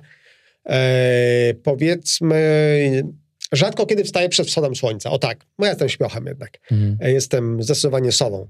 Więc powiedzmy, że wschód słońca wstaje, jeżeli będzie bardzo gorący dzień, wiadomo, że im bardziej jest gorąco, im większa pustynia, tym staram się wcześniej wyjechać. I stosowałem taki trik, że, znaczy nie no, było oczywiście ileś takich wyjazdów, że wstawałem przed wschodem, żeby, żeby jechać y, o tej ludzkiej porze. Później sobie stawałem gdzieś tam pod krzakiem i, i przeczekiwałem to, ten najgorszy upał. Ale generalnie te dwie godziny. I tak naprawdę ja mam teraz tak, że ja jadę cały czas aż do wieczora. I to jest chyba takie trochę inne, bo jak z kimś jadę albo jechałem, to tak wszyscy zdziwieni trochę, no tak a odpoczynek jakiś tak po 30 km, 40, a ja tak jadę, jadę mhm. i tak mogę jechać 50-60 km i nie potrzebuję w ogóle żadnego odpoczynku. Jadę stosunkowo wolno. Nie jadę y, na maksa. Mhm. Jadę, średnia moja prędkość to jest 17 km na godzinę. Żeby ją utrzymać, to tak naprawdę to trzeba jechać 20-22, powiedzmy po płaskim. Także zupełnie spokojne tempo, nie jest to jakieś e, mocne, bo tak naprawdę najwięcej się traci na średniej na postoja. Im więcej się zatrzymamy, nawet na chwilę, to nawet to zwolnienie powoduje drastyczny spadek tej średniej, więc albo, albo. Zatrzymuję się głównie na zdjęcia, więc to mi trochę zajmuje czasu. E, więc jeżeli ja się gdzieś. Z, właściwie te zatrzymywanie na zdjęcia wyczerpuje mm, ten obowiązek tych odpoczynków. No bo wtedy rozstawianie statywu, ustawienie się tak, aparatu jednego, drugiego i tak dalej, to, to jest trochę zabawy.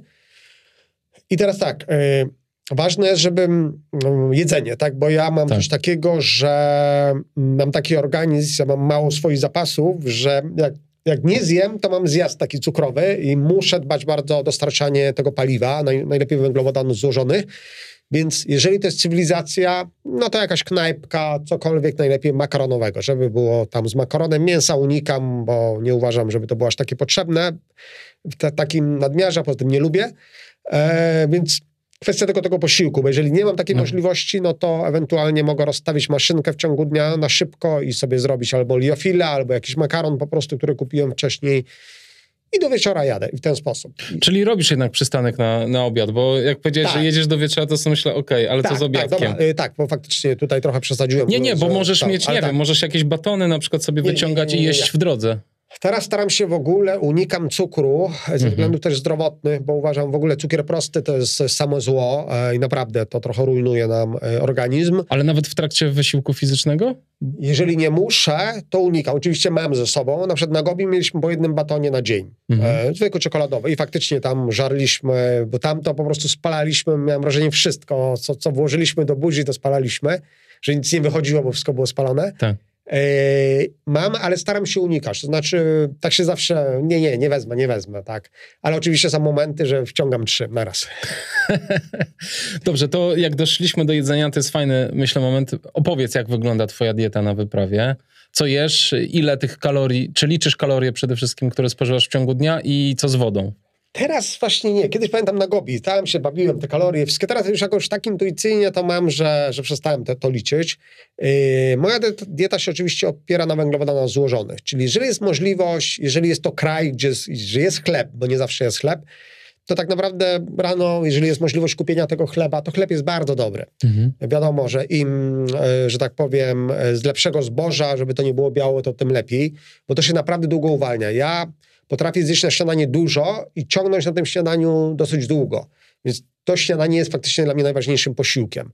E, I drugi duży posiłek to jest ten wieczorny. I wtedy mhm. albo makaron, w Chile na przykład kupowałem tam makarony e, i były takie kapitalne saszetki z sosem pomidorowym, jednorazowe. Po prostu rewelacja, bo mhm. wystarczyło to sobie włożyć do makaronu, sery jakiś tarty, twardy, posypać. Też były takie saszetki, po prostu bajka. Mhm. E, oczywiście na wyczynowych wyprawach liofil, czyli zalewamy mm, gotową porcję jedzenia, no i to jest najlepsze, no ale naj, najdroższa. E, Kupujesz te liofile w Polsce czy na miejscu? W Polsce. Mhm. Praktycznie pewnie... zawsze w Polsce, bo nie tak. wiem, co tam będzie tak. na miejscu. To są drogie często rzeczy, więc ja mam jakieś tam sprawdzone tutaj e, też no też trzeba to, że tak powiem, cenowo, tak? No bo nie oszukujmy no tak, się, tak. jest to droga Jest impreza. to wydatek, tak. Staram się i generalnie jakoś tak wypada, no nie wiem czemu, ale zawsze tak wypada, że praktycznie zawsze w ciągu dnia jest jakaś wioska, coś tam zjem. I jem mhm. po prostu, co się da. W Chile okay. to była często taka kanapka, po prostu taki jakby ham, hamburger, chociaż to nie było hamburgera, po prostu kanapka z awokado, z czymś tam mhm. i już. I to mi wystarczyło. Nawet sobie piwko do tego jak najbardziej wypiję, jeżeli jest taka możliwość. Lubię te, też w ciągu dnia e, i to. A w Azji makarony, przede wszystkim makarony. No dobra, ale jak powiedziałeś o takiej sytuacji, że na przykład byłeś 12 dni bez dostępu do cywilizacji, czy to jest tak, że przez te 12 dni też nie spotkałeś e, żadnego gospodarstwa, żadnej knajpeczki, nic. I co tak. wtedy miałeś ze sobą? No, to jest w ogóle e, Ojos de Salado w Chile. E, tam to jest najwyższy wulkan na świecie. Największa jego trudność to nawet nie jest wysokość, bo tak, sam wulkan jest łatwy, jeżeli chodzi o wchodzenie. Natomiast największym koszmarem jest to, że przez 300 kilometrów nic nie ma. Kompletnie hmm. żadnej wiochy. I trzeba zabrać wszystko. I w momencie, jak chcemy jechać tam na trekking, bo to nie jest spinaczka, tylko trekking, no to mam problem, bo albo musimy wynająć człowieka z samochodem, albo sami wynajmiemy ten samochód, e, ale to też jest problem, bo, bo tam trzeba wjechać dosyć wysoko. No i dla mnie to był koszmar, bo musiałem całe żarcie wziąć. Wziąłem żarcia, jedzenia wziąłem na dwa tygodnie, czyli na 14 dni. I to nawet jest na zdjęciu, mam to właśnie na prezentacjach pokazuję. E, to mi tam wyszło chyba 8 kg jedzenia. I w tym są liofile, e, a na początek miałem bułki, nawet pomidora i po prostu wyżarałem stopniowo. No i woda. Wiedziałem tam akurat, że wodę mogę nabrać mniej więcej 100 mm, kilometrów od bazy, z której już atakowałem wulkan, więc na te pierwsze 5 dni musiałem mieć wodę. I z wodą mi jest prosto. 4 litry wody dziennie potrzebuję. Tak mam to wyliczone. Ja bardzo mało wody piję. W ciągu dnia, jak e, pracuję w domu, to jestem w stanie wypić kawę, herbatę i to wszystko w ciągu całego dnia. Nie jest to dobre, wiem o tym. No, ale, ale tak takie jest. Tak. Tak, ale to jest plus jest taki, że na wyjazdach faktycznie tej wody dużo nie potrzebuje. Oczywiście wodę tylko do picia i do przyrządzania posiłków, żadnego mycia, do tego stopnia nawet, że makaron też tak gotuje, żeby wygotować całą wodę, tyle tej wody daje makaronowi, że makaron wchłania tą wodę i nic nie wylewa. No bo mhm. bez sensu jest targać tą wodę, wylewać. Tamtej wody miałem 28 litrów, czyli 28 kg samej wody, rower ważył 75 kg. Więc to jest. Ale jakiś wózeczek miałeś z tyłu? Nie. Tam miałem ten rower właśnie y, trzystalowymi oponami. Okay. Y, tylko mam tak, z tyłu mam olbrzymie, największe sakwy, jakie są na rynku, 70-litrowe, a z przodu mam tylne, normalne sakwy, jak, jak, które stosują ludzie na, na tył, to ja z przodu je mam. Także... Na przednich widelcach? Tak, tak, tak także potężne obciążenie. Mhm. Do tego stopnia, że sakwy już zaczęły strzelać y, śrubki, e, tam nity zaczęły puszczać.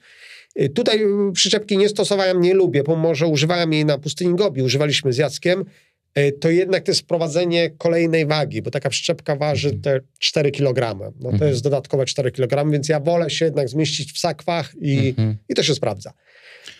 A czy czasem pozyskujesz wodę z rzek, jezior, czy tak, czyścisz ją w jakiś sposób? Masz tak, filtr? oczywiście filtr. E, teraz używam tego takiego mini Sayer, chyba Sayer to on się nazywa. Aha. Taki najmniejszy. Ten filtr. taki, okej, okay, tak. dobra, e, chyba tylko nie ten przez słomkę, tylko ciut większy, że można butelkę dokręcić i przepuszczać. Szczerze okay. mówiąc, kilka razy go zastosowałem. Bardziej częściej z tabletek y, korzystałem, szczególnie na pustyni Gobi. Tam odkażaliśmy wodę. Kiedyś, ja jeszcze pamiętam czasy, 98 rok, kiedy były chlorowe tabletki, bo nie było innych, to był koszmar, masakra. Niedobra ta woda. Tak. tak. Później przyszły tabletki srebrowe i one są już naprawdę dobre. Wrzuca się jedna tabletka, jeden litr e, i odkażam tym. 30 to, minut czy krócej? Tak, tak. Staram się trzymać. No i rekord mój, tak, jeżeli chodzi o brudną wodę, to był jeden, gdzie użyliśmy dwóch tabletek i gotowanie. Na pustyni Gobi miała być studnia, nie było jej. No i proszę sobie wyobrazić, jest kałuża, kałuża. jedna kałuża, jaką, na jaką natrafiliśmy. Dobra, jest kałuża, bierzemy wodę, ale problem polegał na tym, że w tej kałuży były odchody zwierząt. Zwierzęta przychodziły do wodopoju i tam po prostu robiły. No i wzięliśmy tą wodę. Odkaziliśmy i nie mieliśmy sensacji, wypiliśmy. No nie było wyjścia, to była sytuacja podbramkowa. To była taka najgroźniejsza moja sytuacja.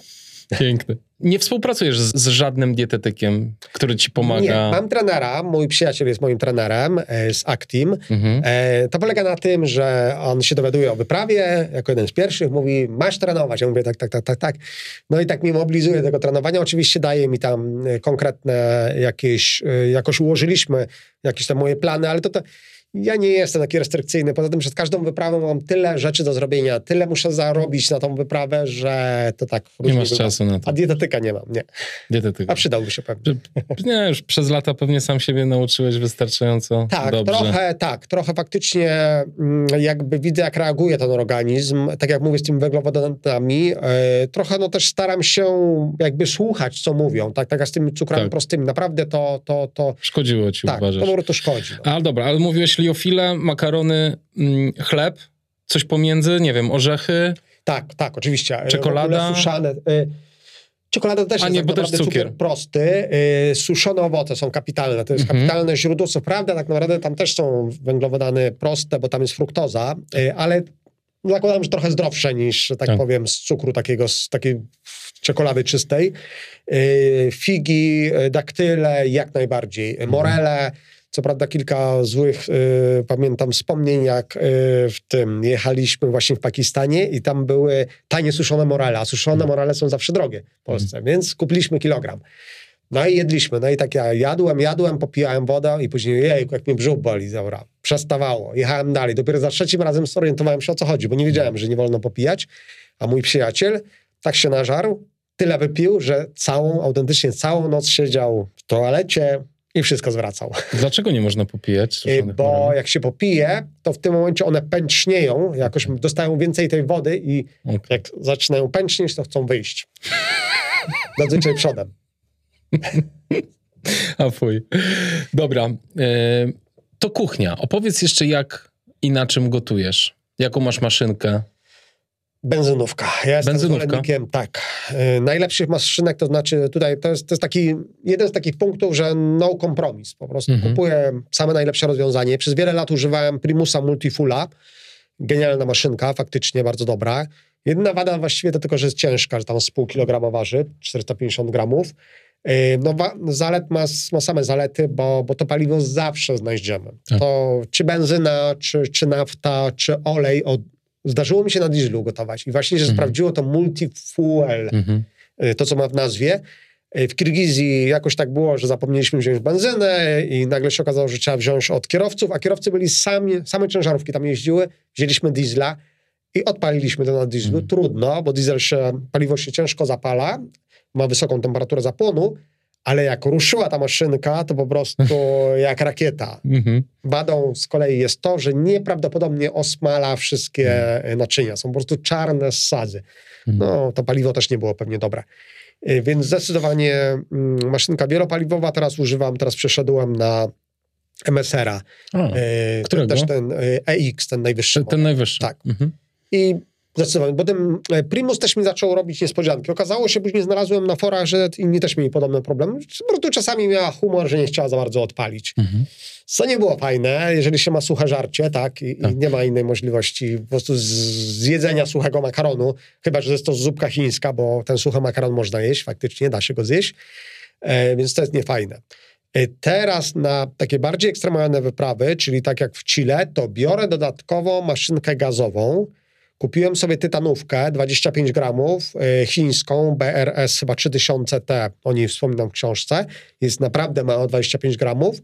E, małą butlę, taką setkę i to jest moje awaryjne e, źródło mm. zasilania, e, gotowania, bo właśnie ponieważ tam słyszałem, że na dużych wysokościach te maszynki lubią robić niespodzianki. Kolega, zresztą Mateusz Waligura wspomniał nawet o tym, że wręcz masowo akurat te maszynki gdzieś tam nie chciało pracować na dużych wysokościach, więc wolałem nie ryzykować, ale nie było takiej potrzeby. Czasem tylko do namiotu się przydaje, żeby w namiocie hmm. sobie zagotować, bo jednak benzynówki, chociaż w zimie kiedyś tam, jak gdzieś tam byłem w zimie, to gotowałem benzynówką, co się nie skończyło dobrze dla namiotu. Spalił ci się? Nie, podłoga się trochę przytopiła. A, no tak. Bo to na jakiejś płytce chyba warto trzymać. Tak, tak. tak. E, nie musisz czyścić tej MSR-ki? Trzeba, trzeba. Jak Oczywiście często? trzeba dbać o to. Także jest ten cały zestaw. E, mhm. Warto sobie przeczytać. Przede wszystkim ten przewód paliwowy, tam się, jest taki przewód, e, taki e, szczególnie to było w Primusie, tak, taki drut i, i się nim trzeba mhm. poruszać, no po prostu przepłukać sobie w jedną, drugą stronę, dyszę, odkręcić, bo ona się lubi też zapychać, więc takie podstawowe, że tak powiem, podstawową konserwację trzeba robić, więc to trochę faktycznie wada. Ale mi to nie przeszkadza. No tak, ale jednak masz za to Lepiej, fakt, że możesz wszystko wlać do tej maszynki. Nie, a dwa, że mam, też lubię takie, dlatego lubię te maszynki, bo to można rozebrać całe. Jeżeli tak. ja mogę rozebrać, to mam przynajmniej takie wrażenie, że ja to kurczę jakoś mogę naprawić. A jak tak. mam tę gazówkę, która jest zamknięta, tam nic nie zrobię, mhm. no to tak nie tak. za bardzo. To prawda. E, dobrze, mm, namiot. Powiedz, e, jaka waga, co jest dla ciebie ważne w takim namiocie? Czy jednopowłokowy, czy z tropikiem? Jak Wiele lat jeździłem na Marabuta, zresztą bardzo lubię tą polską firmę. Mm, e, miałem Komodo, później Baltoro. E, najważniejsze to jest dwupowłokowość, zdecydowanie. Mm. To jest parametr numer jeden. E, teraz w Chile miałem jednopowłokowy, po raz pierwszy w życiu miałem jednopowłokowy namiot. Ja od zawsze miałem dwupowłokowe, nawet jak w 96 roku jechałem w Alpy, miałem słynną chińską dwójkę, o której też tutaj wspominam czyli namiot, który w ogóle zrewolucjonizował w Polsce turystykę, e, turystykę w ogóle, bo ważył 3 kg. To był pierwszy namiot, który ważył 3 kg dwuosobowy, a wszystkie tamte stare z tym tropikiem takim z, z tego, z bawełny to ważyły po 6 hmm. kg. Także dwie powłoki. E, I teraz jak miałem w Chile jedno powłokowe, no to no oczywiście te wady jego, czyli skraplanie się hmm. wody, no i tam nie było się zmiłu i po prostu ta woda się skrapla. Natomiast musiałem wziąć ten namiot, dlatego że on jest bardzo odporny na silne wiatry, tam do 120 km na godzinę, a z tym się musiałem liczyć. Teraz głównie używam MSR-a, Hubę, czyli Hubę. bardzo znany namiot, bardzo wielu... Dwuosobowy czy jednoosobowy? Ja mam jedynkę, e, on waży 1,3 kg, więc bardzo fajna waga, rewelacyjnym. W ogóle na pustyniach rozbijam tylko y, samą sypialnię, to jest też dla mnie istotne, mhm. żeby była możliwość rozbicia bez y, tropiku. I teraz tak, marabuty były o tyle fajne, że to też są namioty, które mm, mają stelaż tak zrobiony, że sypialnia jest podczepiona pod y, tropik, wkładamy maszty, od razu stawiamy namiot z sypialnią. Natomiast ten MSR jest tak zrobiony, że trzeba sypialnię rozbić i mhm. później nałożysz y, tropik. Więcej czasu to zajmuje. Mhm. Różnica jest w momencie, kiedy zaczyna padać deszcz, musimy w czasie deszczu go rozbić. Więc tego nie lubię w MSR-ze. Mhm. Maraboty są pod tym względem lepsze, ale jednak wagowo MSR jest no, zdecydowanie lepszy. I nie, nie rozdziera ci się, nie niszczy ten MSR, nie? Nie. E, okay. Tym, że ja go nie mam długo, bo mam go za 4 lata. Więc... A, to już by się coś stało.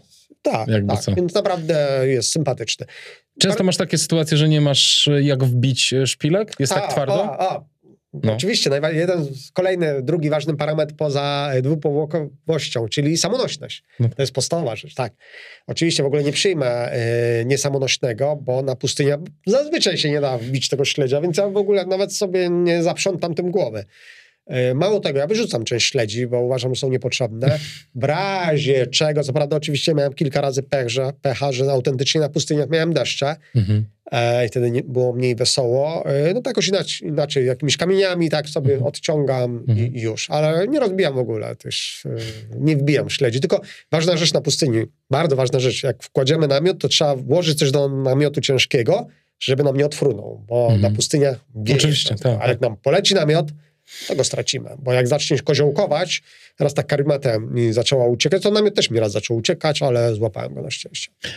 Czyli czym dociążasz? Ma, to na przykład sakwę, sakwę wrzucam. Sakwę Biorę sakwę tak, z rzeczami, bo też to jest tak ułożone, że sakwy mam e, dwie do przodu, znaczy dwie wsadzam do namiotu z rzeczami, bo trzeba tak myśleć do przodu mocno, czyli jakby wszystko, w ogóle pakowanie, to jest też bardzo ważna rzecz, w jaki sposób pakować. Jak ruszam na przykład rano, to tak się pakuje, też o tym wspominam w książce, żeby na przykład na wierzchu były rzeczy na przykład ciepłe, żeby były rękawiczki, czapka, żeby przewidzieć, kurtka przeciwdeszczowa oczywiście, a z kolei maszynka jest na samym dnie, no chyba, że planuję, że tego dnia będę gotował, no to maszynka jest na wierzchu. Na noc znowu mam na podorędziu przede wszystkim polar, czapkę, jakby się zrobiło zimno, oczywiście latarka, nóż zawsze mam pod ręką, tak chociaż dla bardziej komfortu psychicznego, ale w razie czego. Czy wykorzystywałeś czasem jakieś techniki survivalowe na swoich wyprawach? E, no, lubię jakby zabawę w survival. Nie jestem oczywiście survivalowcem, e, ale tak, czy to na, można nazwać coś... Znaczy tak, na przykład mam linę ze sobą, chociaż mm. nie wiem, czy to jest survival, przekraczanie rzek, zabezpieczanie, mm -hmm. właśnie poręczowanie sobie, ale to, to, to nie jest survival. Z kolei ogień, tak? No bo survival to jest no na przykład pozyskiwanie ognia. Ognia albo wody w jakiś tak, nietypowy tak, sposób. Tak. E, przez wiele lat woziłem krzesiwo. No, mhm. tak ambitnie, prawda, będę miał krzesiwo, jakby no, no. co. Ale później tak sobie stwierdziłem, dobra, a może ja w końcu spróbuję tym krzesiwem coś zrobić. No i zacząłem krzesać ogień. No i się okazało, że to nie jest takie proste. Więc całe szkole, szkolenie sobie zrobiłem e, sam, zresztą z kolegą też, tym Marcinem, zaczęliśmy rozkwiniać temat. No się okazało, że to naprawdę nie jest takie proste, wykrzesanie ognia. Więc teraz już umiem. Nauczyłem się faktycznie, czy dlatego wożę z krzesiwem najlepiej wozić ze sobą płatki do demakijażu. One się kapitalnie zapalają od y, iskier. No albo sobie zrobić y, rozpałkę. Oczywiście pozyskiwanie skory też, czy tam nawet z drewna, ale trzeba mieć to drewno. Trzeba, trzeba szczególnie, że jak będą trudne warunki, jakiś deszcz, to, to nie sprawdzi się. Szczerze mówiąc, najlepiej dobra zapalniczka. Mamy jakąś taką mhm. super zapalniczkę, też od niego dostałem. Y, windmilla chyba. Próbowałem mhm. to gdzieś kupić, to, tego nie można. To kosztuje jakieś koszmarne pieniądze, mhm. kilkaset złotych nawet. Ale po prostu dobra zapalniczka, do tego zapałki sztormowe zalane woskiem, do tego oczywiście trzy zapalniczki i już. Po prostu. Tak Ale to krzesiwo jednak, kurczę, w każdych warunkach działa, nie? Wywaliłeś, to, tak, zrezygnowałeś z tego. No, nie ciekawe. ma sensu, bo no bo co, no nie wiem, spadnę, jak samolot mi spadnie, przecież bagaże są w luku, tak? No, no kiedy ja to mam wykorzystać? To jest nie, no. abstrakcja tak naprawdę. Spoko, Co innego oczywiście jakieś, bardziej się przydają takie rzeczy, e, właśnie taśma, jakieś żyletki, to co innego, tak? Mhm. Bo, no bo czasami wręcz... Do czego żyletki? Żyletki, znaczy chodzi o to, że było coś bardzo ostrego. Mhm. Nawet choćby, nie wiem, zaciąłem się, zrobił mi się, na przykład zaciąłem się i w tym momencie cały czas zaczepiam o tę krawędź, więc trzeba to ściąć na równo. Jakieś tego typu, coś mhm. e, zrobić operację, nie wiem, przyciąć materiał i to muszę mhm. mieć coś ostrego, więc żyletka jest istotna, bo scyzoryk nigdy nie będzie taki ostry albo się stępi w trakcie. To już prędzej bym wziął igłę e, do szycia ran Mhm. Chociaż teraz też lepiej to zlepiać nawet y, na klej superglue sobie ściągnąć. Ranę można lepić. Albo na stery stripsy są takie. Teraz pierwszy raz to miałem, kupiłem sobie. Czy też takie, takie mhm. plasterki, którym się złącza. Już.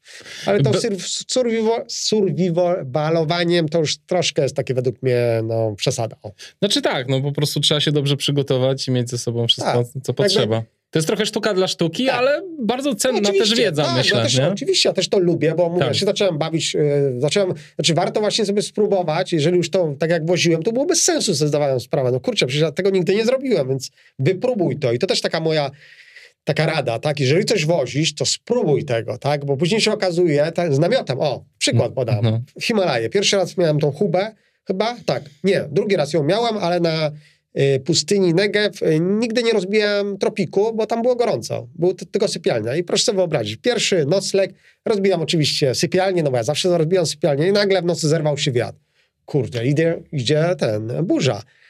No i wyskakuję, żeby tam tropik założyć. Ale teraz tak, nie zapalę latarki, a propos, bo wiedziałem, że blisko jest wioska, bo widziałem światła wioski, więc nie mogę użyć tej latarki. I się okazało, że ja nigdy zdałem sobie sprawę, że tego tropiku nie rozbijałem na tym namiocie, czyli miałem zupełnie świeżynka. Mhm i męczyłem się przez pół godziny. Później się okazało, że są jakieś wstążeczki, kolorystycznie dobrane wszystko, ale po prostu nie robiłem tego. I to jest ten mhm. błąd. Mimo, że tyle jeszcze, zrobiłem podstawowy błąd. Nie rozbiłem tego w takich warunkach, przynajmniej kilka razy, bo może raz to rozbiłem w domu, to na pewno rozbiłem, ale nie zrobiłem tego, faktycznie nie, nie miałem tej praktyki.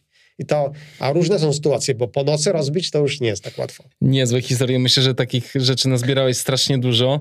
E, mam nadzieję, że część tego przynajmniej jest w tej książce. Tak, są takie anegdotki, różne przygody, którym mhm. właśnie pokazuje, jakby odnoszę się do danego praktycznego tematu, czyli że coś, nie wiem, trzeba mhm. zabrać i właśnie, że wykorzystałem to i miałem taką historię. Super. Powiedz jeszcze, jak ze spaniem, jak karimata śpiwór, jak tutaj do tego podchodzisz? Też mam swoją specyfikę, no. e, dlatego, że nie używam kompletnie materacy ani samopompujących, ani dmuchanych. Mhm. Kompletnie. Nawet nie miałem tego. Znaczy, spałem kiedyś tam zimą, akurat pożyczyłem sobie, mm, ale kompletnie tego nie używam. Dlaczego? Po pierwsze, ja wkładam karimatę pod namiot, a nie do namiotu. Mhm. Dlaczego? Dlatego, że mm, na tych terenach, co ja śpię, właśnie pustynnych, suchych, jest bardzo dużo tych ostrych krzewów, ostrych takich mm, cierni, które przebijają namiot. Jak one przebiją nam podłogę namiotu, to później, jeżeli trafimy na mokry teren, to woda będzie wlatywać od dołu. I to autentycznie, to, to się zdarza. Więc ja karimatę wkładam pod, żeby zabezpieczyć sobie podłogę od, chociaż trochę tą pianką, to zdaję egzamin. Wolę podziurawić karimatę niż mhm. podłogę namiotu. Wymieniałem już chyba ze dwa razy podłogę w Marabucie, więc to trochę kosztowało. Tak mhm. miałem podziurowaną jak sito. E, z tego powodu nie mogę używać ma, maty samopompującej, no bo wiadomo, że ona mhm. będzie narażona na to przekuwanie. Czemu nie używam maty też? Dlatego, że tak, jest, no ma podstawową wadę, że jest narażona na to przekucie. No jedno przekucie... No ale możesz położyć ka karimatę pod tą matą. No, no poczekaj, po, poczekaj, poczekaj. Czyli masz jedną karimatę, którą kładziesz pod namiot tak, i to wszystko tak, i śpisz po prostu tak, na... Tak, tak. I śpię. Owszem, takie dziwne wrażenie, że się śpi na podłodze w namiocie, faktycznie. Plus jest taki, że nic pod karimatę nie wpada. Znaczy nie jest dziwne, ty po prostu śpisz na, na podłodze w namiocie. Tak. Prawdziwa podłoga. Ale plus jest taki, bo jak mamy karimatę, czasami coś tam wpada pod tą karimatę, prawda, tak. i później no gdzie tam coś mi tam wpadło, prawda, tutaj nic nie wpadnie. I tak. Spoko. E, ale to naprawdę zdaje egzamin. I wysypiasz się naprawdę? E, tak. I ja nie mam problemu, bo dużo ludzi mówi, kurczę, ale ja się nie wyśpię. No okej, okay, rozumiem to ja nie mam problemu. Mało tego, ja wolę, im twardsza karimata, tym lepsza. Ja pamiętam w latach 90. mój brat znalazł, wtedy jeszcze nie było karimat w Polsce, e, przynajmniej nie było popularnych, nie można było kupić i były takie pianki do ocieplania z NRD, bo to jeszcze, jeszcze to było przed 90 rokiem w takim razie bardzo twarde i to był prototyp w ogóle, znaczy prototyp, e, to było no coś przed karimatami, co dało się zwinąć w rulon, nie było ciężkim materacem dmuchanym, ważyło kilogram, twarde jak decha, do tej pory to mam, ale rewelacyjne właśnie, bo po rozwinięciu, owszem było twarde, ale im twardsza jest karimata, tym lepiej zabezpiecza przed kamykami. Bo na tych pustyniach często jest tak, że już się wymoszczę, tutaj sprawdziłem wszystko i nagle jeden kamień, ja, nie zasnę przez ten kamień. I później wyjdź, próbuj walczyć z nim, bo, bo tak zwrócisz uwagę na ten kamień, że będziesz myślał tylko o tym kamieniu, tak. który ci się ubiera. Im twardsza karimata, tym bardziej zniweluje jakby to. Ja się wysypiam, ale rozumiem oczywiście, jeżeli ktoś no tak. chce y, dmuchanem. Nie, Dmuchaniec. Tylko używam karimaty teraz z wytłoczek jajek. To w kształcie wytłoczek mhm. powiedzmy, że to troszeczkę jest taka jakby ala gruba, grubsza. Mhm. E, śpiwór? Puch głównie na puchu bazuje. E, wieku, trzeci śpiwór puchowy mam, tak. Bierzesz ze sobą jeden śpiwór, czy jakiś jeden. system? Jeden, mhm. jeden, tylko w zależności od wyprawy dobieram, prawda? A teraz na, na tą wyprawę wziąłem najcieplejszy śpiwór, bo tam mam kilogram puchu, sam śpiwór półtora kilogramu, co mnie jest dużo. Normalnie używam małego puchowego kilogramowego, czyli wypełnienia tam jest jakieś 600 gramów. I to mhm. takie do minus 5, do minus 7, taki komforcik spoko, a mhm. waga jednak jest mała. Mhm. Fajnie. Y Kurczę, super opowieści. Dzięki ci w ogóle. E, powiedz, e, co dalej planujesz? Gdzie teraz ruszasz? Możesz opowiedzieć? Nie mogę za bardzo. Naprawdę? E, nie mogę. No dobra, to tak. kierunek świata chociaż. To jest tak, że y, długo myślałem, co, co, co, zrobić w tym pandemicznym czasie. Na pewno nie pojadę nigdzie w egzotykę, chociaż uważam, że teraz się odblokuje trochę. Mhm. Y, pojedziemy sobie z moją Martą y, gdzieś do Azji, polecimy na pewno na tramping. Natomiast ja rowerem tak, będę coś robił w tym roku, a nie mogę trochę powiedzieć co, nie mogę powiedzieć za bardzo gdzie. Znaczy bardziej są bliższe nic egzotycznego, coś w stylu Polska prosto. Mhm. coś na co wpadłem też ze dwa lata temu i też coś fajnego, ale nie mogę, naprawdę No nie dobra, mogę dobra, nie no, rozumiem. Ale e, wakacje powinno, mam nadzieję, że to się uda. Lubisz wymyślać sobie po prostu takie rzeczy, których jeszcze ktoś nie robił, tak? Tak, dokładnie, ale lubię. Dla mnie to sprawia frajdę po prostu. No tak. Po tak, prostu. Tak. E, to ta Japonia kiedy w takim razie? Kurczę, no chciałbym. Ale... A co byś zrobił w Japonii? Właśnie niekoniecznie rowerem, chociaż y, mój kolega taki Igor Czajkowski, który też dla mnie był kiedyś właśnie takim idolem, bo on pierwszy zaczął jeździć z sakwami, pojechał do Japonii w latach 90., zrobił tam kilka tysięcy kilometrów i tam się da całkiem podobno jechać, nawet spać. Yy, ale po prostu bym chciał pojechać nawet trampingowo, po prostu zwiedzać. Ja bardzo lubię zwiedzać. Ja w ogóle jak mhm. jadę bez roweru, to i później jadę na przykład autobusem, ale fajnie, nie muszę pedałować. A z kolei jak jadę rowerem i patrzę na tych w autobusie, ale fajnie, jadę rowerem. Więc to jest takie fajne, że mam i tu i tu mam radość. Spoko, fajnie. Najbardziej ulubiony obszar świata twój teraz? Azja. Azja. Jednak y, teraz byłem w tej Ameryce Południowej pierwszy raz, tak. to tak nie przypadło mi do gustu. Azja. Ze względu na...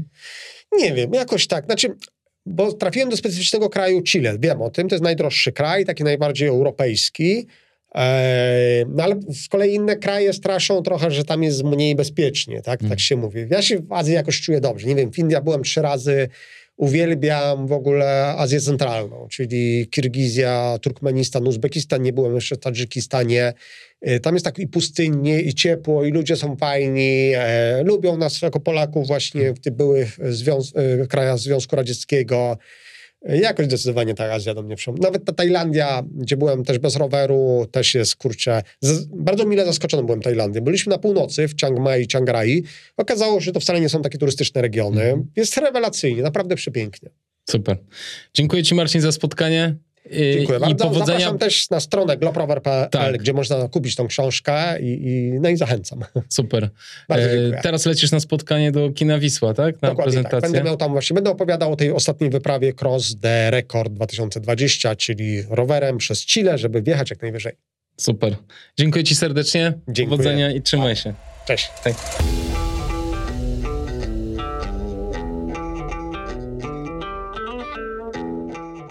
Podobało Wam się?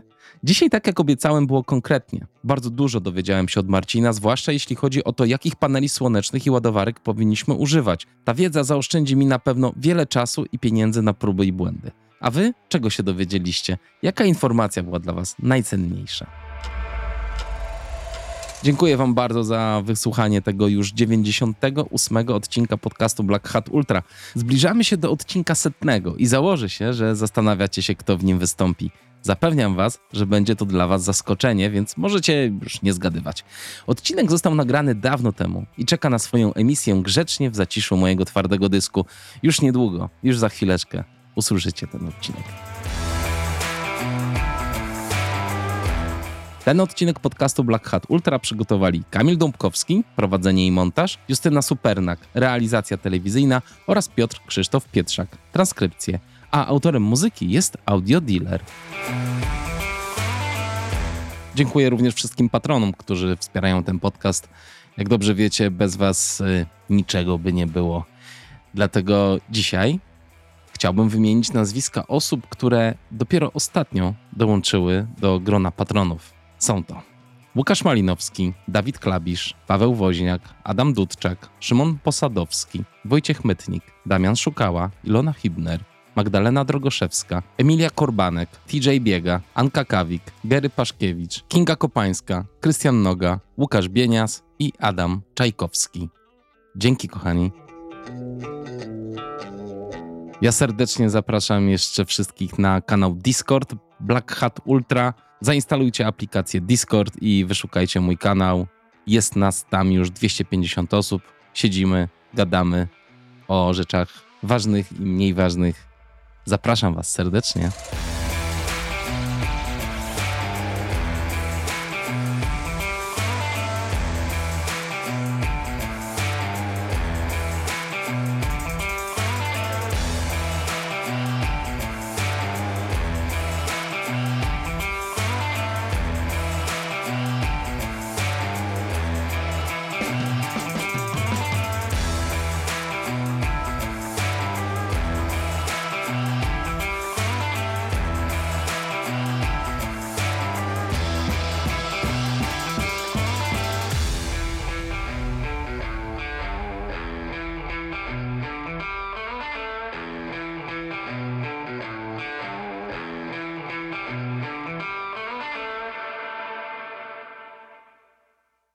A jeżeli jeszcze tu jesteś, załóż słuchawki, zatrzymaj się i chwilę posłuchaj.